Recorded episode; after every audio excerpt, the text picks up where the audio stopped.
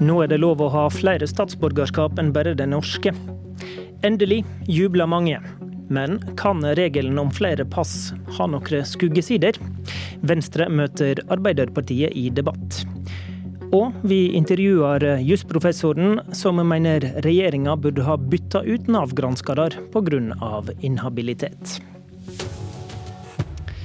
Fra nyttår kan en lovlig ha norsk statsborgerskap i tillegg til statsborgerskap i et annet land. Det ble regjeringa sin politikk etter at Venstre forhandla seg inn på Jeløya. De to største partiene på rød-grønn side, Ap og Senterpartiet, stemte mot dette da det gikk gjennom i Stortinget. Venstre-leder Trine Skei Grande, for oss som bare har dette ene røde passet, kan du forklare hvorfor det er så viktig politisk sak å kunne ha to? Det er fordi at nesten alle andre europeiske land har dette regelverket. Det betyr at du har muligheten til å være fullt aktiv i det landet du bor, med både rettigheter og med plikter.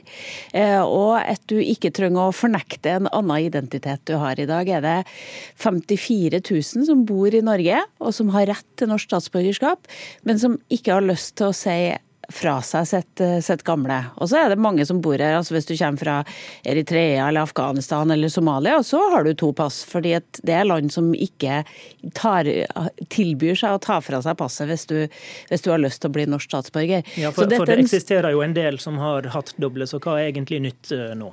Det er at de som kommer fra land der du kan si fra deg statsborgerskapet ditt, eh, at de også får lov til å beholde to. Sånn at det ikke bare er folk fra Afghanistan Afghanistan, Russland, eh, Eritrea, Afghan eh, og, og, Iran og Irak som, som, får lov til å ha to. Og så gir det trygghet til nordmenn eh, i utlandet. Når jeg proklamerte dette på 17. mai-feiringa i, i, London, der mange går nå er redd for at brexit skal kaste dem ut av landet, mens de har bodd i det landet hele tida, men har hatt lyst til å beholde sitt norske statsborgerskap. Nå får de muligheten til å søke om det britiske, men likevel fortsatt beholde sitt norske. Du begynte med at, å si at eh, mange andre land har det sånn. Er det et viktig argument at alle andre har et sånt system? Ja, det er et viktig argument fordi at eh, Europarådet sier at dette er en veldig viktig integreringstiltak. Det at folk kan bli fulle, aktive borgere i det samfunnet de bor og deltar i. Derfor har Europarådet oppfordra alle europeiske land, og nå har vel da 41 av 46 land i Europa denne ordninga, fordi at man ser at da kan bli folk fulle deltakere i det samfunnet de faktisk bor i, uten å måtte fornekte at de f.eks. egentlig er svensk innerst inne, eller egentlig egentlig er dansk innerst inne. Siri Gåsmyr Staalesen, integreringspolitisk talsperson i Arbeiderpartiet. Hvorfor gikk Ap mot dette? Det er fordi at vi mener at dette forslaget rammer de aller mest sårbare i samfunnet vårt. De barna som eh, er i frykt for å bli etterlatt på koranskoler i utlandet, jenter som, og gutter som står i fare for å bli tvangsgifta i utlandet, de får, et, eh, får det vanskeligere nå hvis de tar kontakt med en ambassade i et eh, annet land, hvor de også er borgere, og tar kontakt med den norske ambassaden da, og sier at jeg er redd for at jeg om en uke skal bli tvangsgifta eller at de klarer å rømme fra en koranskole og tar kontakt med ambassaden eh, der og sier at jeg trenger hjelp til å komme meg hjem til Norge. Da blir det vanskeligere for dem å få hjelp fra den norske ambassaden.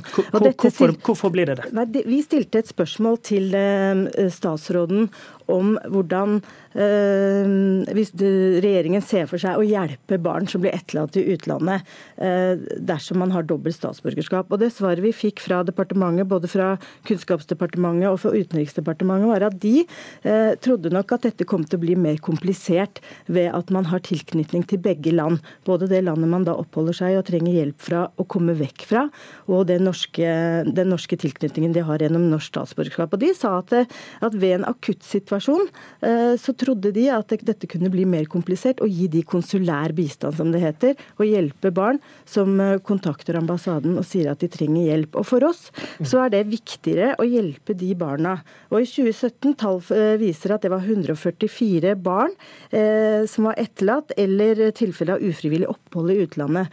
Og Vi mener at, at så lenge det fins norske borgere som trenger hjelp, så er det det viktigste. Da dette er barn som ikke har hatt den største talerstolen Polen. Det er utrolig mange som har vært på oss og som har ønsket seg dobbelt statsborgerskap. Trine okay. snakket jo om det også. Grande, Grande, kan dette være ei skuggeside som gjør det vanskelig for um, en svak part? Nei, dette mener jeg er en skinnargumentasjon fordi nesten alle de landene der vi har hatt sånne problemstillinger Jeg vil tippe at alle av de 100 du snakker om, kommer fra de landene der vi allerede har dobbeltstatsborgerskap, nemlig Pakistan, Afghanistan, Eritrea, eh, Iran og Irak.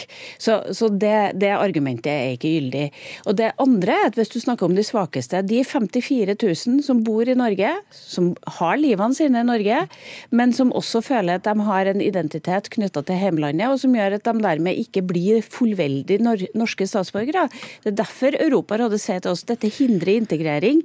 Dette hindrer at de svakeste blir aktive deltakere i det norske samfunnet. Så hvis man, uh, dette, dette, vil ikke gjelde for de 100 som man snakker om, men det vil gjelde for de 54 000 som kan være aktive borgere i det norske samfunnet. Ja, Vi sa også i saken at vi mener at eh, regjeringa ikke godt nok har drøfta de integreringspolitiske konsekvensene av saken. Da. Vi syns ikke det var godt nok utreda. Syns det er litt rart at statsråden sier at det er et skinnargument når Utenriksdepartementet svarer Stortinget at de tror at det kan føre til at noen av sakene blir mer komplekse og gi bistand, konsulær bistand til barn som blir etterlatt i utlandet. Så det syns jeg er litt rart. Så, så, skjønner jeg det argumentet om at det er 54 000 som, som eh, blir veldig glad. Eh, Trygve Slagsvold Vedum sa det jo litt liksom flåsete da vi hadde saken oppe, at, uh, at for regjeringen så er diplomatbarna og utenlandsstudentene viktigere enn barn som er dumpa i utlandet. Det, for oss i hvert fall er det det viktigste argumentet. da, At de barna, de mest sårbare, de som ikke har hatt en lobbyvirksomhet. Eh, Trina, eller Statsråden har sikkert også opplevd veldig eh, mange som har kommet bort til seg for å snakke om dette. Vi har opplevd det både via e-post som stortingsrepresentant, men også på stand i valgkampen har dette vært et tema som folk i Oslo Arbeiderparti har snakket om med meg. Okay, Grande, Grande, du sier at dette ikke er et gyldig argument, men det var, det var advaringer i høringsrunden, bl.a. fra politihall på dette området. Ja, og det, men det som er disse landene der det er aktuelt, så er det allerede dobbelt statsborgerskap. Så man må liksom forholde seg til fakta i, i saken. Nå er jeg litt skremt over at Arbeiderpartiet nå begynner å lene seg på Senterpartiet sin argumentasjon, som var ganske ekstrem i salen, der man mener at det passet du har, det sier noe om, om lojaliteten din til samfunnet. Og dermed så er det da femtekolonist, og du kan ikke stole på en nabo som har et annet pass i tillegg til det norske. Og det er en tankegang som hører til en annen tidsalder, spør du meg. Men Grande, for, Grande, for å ta et annet argument i debatten. da, din regjeringspartner Frp har lagt vekt på at en god ting med dette systemet som nå blir innført, er at en nå lettere kan fradømme folk statsborgerskap uten å gjøre dem statsløse. Var det et viktig argument for Venstre? Nei, men det er et argument som gjør at vi kan håndheve terrorlovgivning på en annen måte. Så jeg erkjenner det som et, et gyldig argument i, i saken.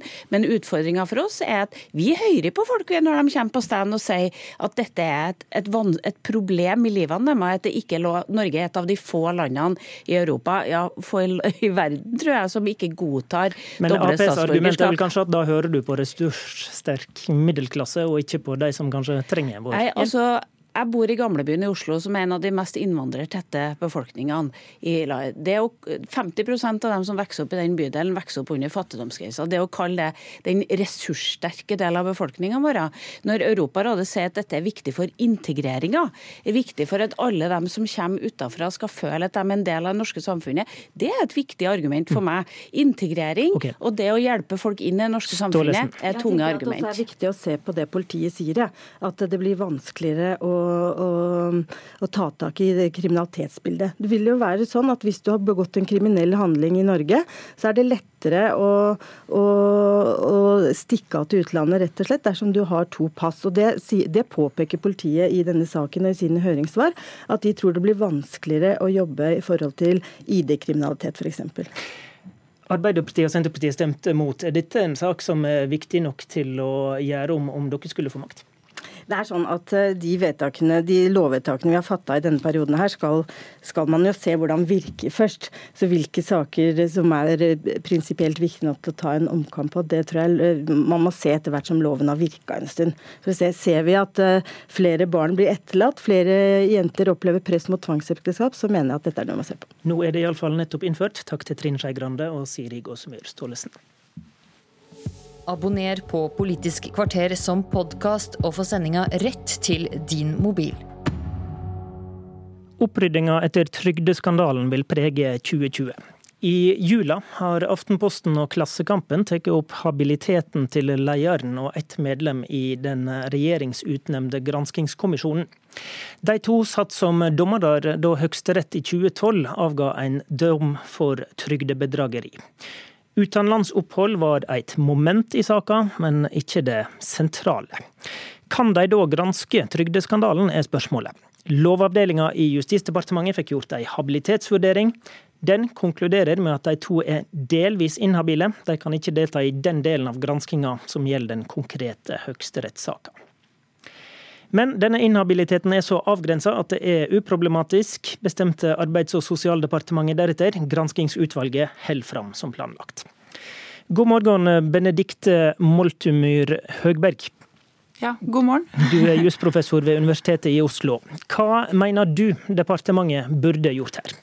Jeg tenker at når eh, departementet, altså Lovavdelingen konkluderte med en delvis inhabilitet, så burde Arbeids- og sosialdepartementet ha tatt det innspillet eh, mer alvorlig enn de, enn de har gjort, eh, og byttet ut de to aktuelle granskerne. Det er jo slik at hvis man i så fall er delvis inhabil, så er det jo klart at det svekker tilliten til hele eh, den granskingen som, eh, som, som dette, denne undersøkelseskommisjonen nå skal se nærmere på. Ja, hvorfor, hvorfor eh, gjør en sånn delvis inhabilitet eh, et tillitsproblem? Det som, det som, er spesielt med Nav-saken, det er det at vi vet at feil har skjedd. Eh, og vi vet at veldig mange feil har skjedd. Men vi vet ikke hvor feilene stammer fra.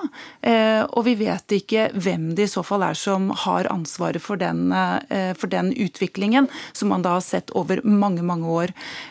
Og det er klart at Høyesterett, når de avsier eh, sine eh, dommer, så vil det kunne få prejudikatsvirkninger, som vi gjerne sier i jussen. Altså det, det, må du forklare. Ja, ja, altså Det vil få virkninger nedover i, eh, i rettssystemet, både for domstoler og i Nav-systemet, fordi Høyesterett er er eh, den domstolen som da eh, skal bringe rettsenhet eh, innenfor, mm. innenfor, området. Nettopp. Og du var jo en av de som da pekte på dette for departementet og problematiserte det. Men nå har jo da Lovavdelinga vurdert dette og eh, konkludert med at dette er en veldig avgrensa del av sakskomplekset. Og da er de vel habile for det aller meste av det arbeidet de skal gjøre?